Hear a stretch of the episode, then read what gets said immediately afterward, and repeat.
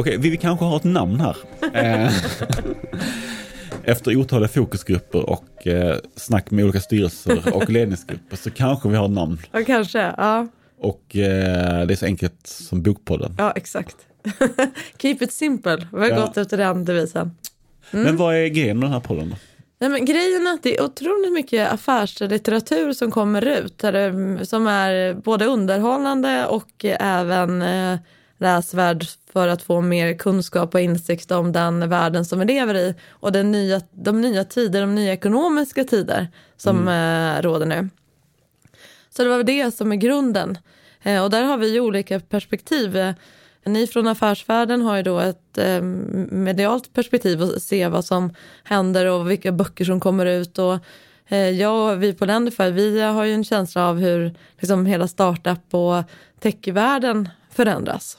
Och ehm, nu har vi redan börjat läsa några böcker som vi ska ha i höst. Men eh, en grej man tänker på ganska mycket är att vanlig journalistisk bevakning blir rätt mycket vad som är det senaste. Och, men när man läser en hel historia om ett företag till exempel Ja. så inser man ju vilka enorma krafter som har påverkat det här eh, uppbyggnaden av de här företagen. och- Och sen en annan sak som jag tänker på är att allting hänger ihop. Jag menar, någonting föds av eh, it-kraschen som sen föder finanskrisen och sen så byggs vidare och nu är vi i ett nytt skede. Vad händer nu med låga, extremt låga räntor?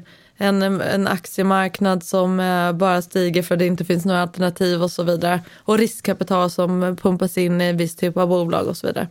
Var står vi nu och var är vi på väg och vad kan vi lära oss av det som hänt tidigare? Det är väl det som vi ska reda ut lite grann. Precis.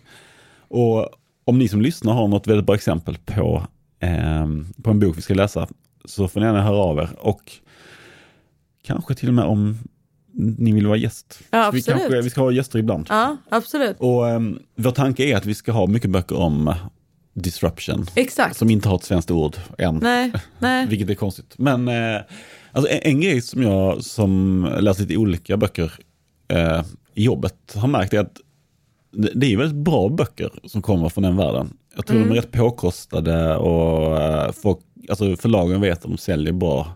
Så den lite avtagande kvaliteten, om man säger så, eh, som branschen har sett, jag tycker inte den syns lika mycket i ekonomi och finanslitteraturen. nej. Men jag, jag tror att det jag tror ekonomi generellt eh, har blivit mer eh, ett större intresse eh, bland allmänheten. Eh, det, aktiemarknaden och politik och eh, aktiemarknaden håller ju också, det går ju väldigt nära hand, är väldigt hand i hand nu för tiden. Eh, så att in, allmänintresset av ekonomisk eller finanslitteratur är rätt stort. Sen så har det också skapats ett antal myter kring eh, kring de här entreprenörerna. Det är någonstans entreprenörernas era som vi är inne i. Eh, och då blir det ju de här personporträtten blir väldigt stora. Ja, men Steve Jobs och den boken. Och, och, eh, så att, och, då, och då, är det ju, då blir det ju nästan en, eh, en historia om den tiden som man lever i, mer än om den personen. Så att det har skapats ett stort intresse. Det är lite personkulter Ja. i det. Men det ligger lite sanning i de här personkulterna också. Om man ser på hur Steve Jobs innovationer har förändrat politik och samhälle och ekonomi så, så är det ju paritet med vad liksom Franklin Roosevelt och Winston Churchill åstadkom under sin tid. Och liksom, visst, det har funnits industrialister tidigare som har påverkat, alltså Henry Ford och sådär, men tycker ändå att det har skett någonting som är lite större än så. Ja, men det som, det som är, det är att det går mycket fortare.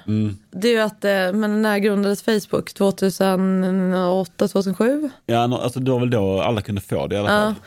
Men jag menar, det har ju hänt, det har ju gått fort ändå att de har blivit sån dominerande spelare på världsarenan.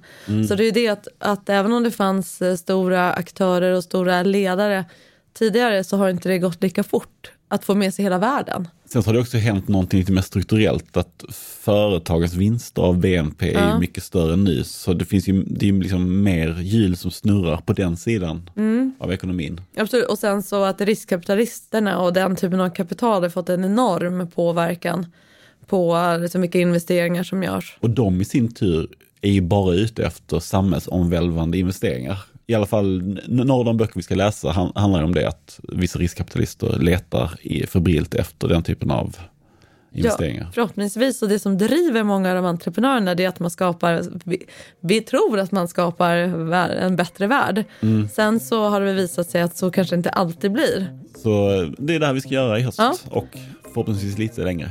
Exakt. Så uh, stay tuned.